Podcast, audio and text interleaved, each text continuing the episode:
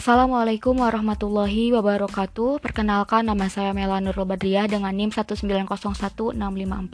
Baik, uh, podcast kali ini saya akan memberikan tambahan jawaban uh, dari pertanyaan uh, Winaura dan Muhammad Jati Purnama untuk kelompok 1. Uh, baik, uh, pertama terkait dengan pertanyaan Winaura di mana Winaura ini bertanya uh, apakah pemerintah perlu menambah program bantuan untuk menanggulangi kemiskinan. Nah, saya setuju dengan pendapat kelompok satu bahwasannya untuk saat ini tidak perlu menambah uh, program pemerintah dalam membantu masyarakat miskin. Tetapi yang harus ditekankan di sini adalah program-program pemerintah yang sebelumnya sudah ada seperti program jaminan kesehatan masyarakat, program ber, uh, beras bagi masyarakat miskin dan lain sebagainya. Ini harus dioptimalkan dalam uh, hal pendistribusiannya. Kemudian hambatan-hambatan yang terjadi perlu untuk dikaji ulang uh, dan harus dievaluasi dengan baik, terutama dalam uh, pengalokasian program-program bantuan tersebut sering terjadi uh, korupsi oleh oknum-oknum yang tidak bertanggung jawab serta sasaran yang dituju tidak sesuai.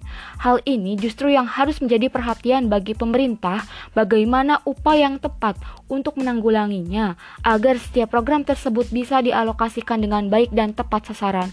Percuma kalau pemerintah menambah program bantuan, tetapi dalam pendistribusiannya tidak diperhatikan.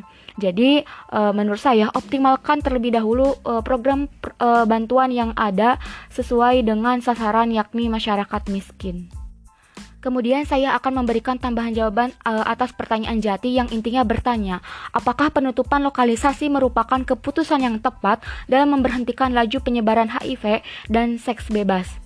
Sebagaimana yang telah dijelaskan kelompok 1, bahwasanya penutupan lokalisasi ini menuai banyak perdebatan atau pro kontra. Namun, terlepas dari itu semua, menurut pendapatan e, menurut pendapat saya, saya sangat setuju dan me, e, mengapresiasi langkah pemerintah e, untuk menutup lokalisasi tersebut. Sebab, jika ini dibiarkan, maka negara sama saja menghalalkan adanya perdagangan seks di Indonesia.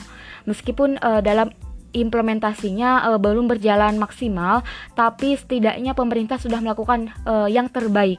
Seperti yang kita tahu ya bahwa uh, adanya pekerjaan tersebut dilatar belakangi oleh faktor ekonomi yang kurang di keluarganya. Nah, di sinilah peran pemerintah. Bagaimana langkah yang harus dilakukan pemerintah dalam menanggulangi kemiskinan, terutama bagi pekerja seks komersial. Ya, tujuannya itu agar pekerja seks, uh, seks komersial di Indonesia menurun sehingga angka penyebaran penyebaran HIV di Indonesia pun ikut menurun.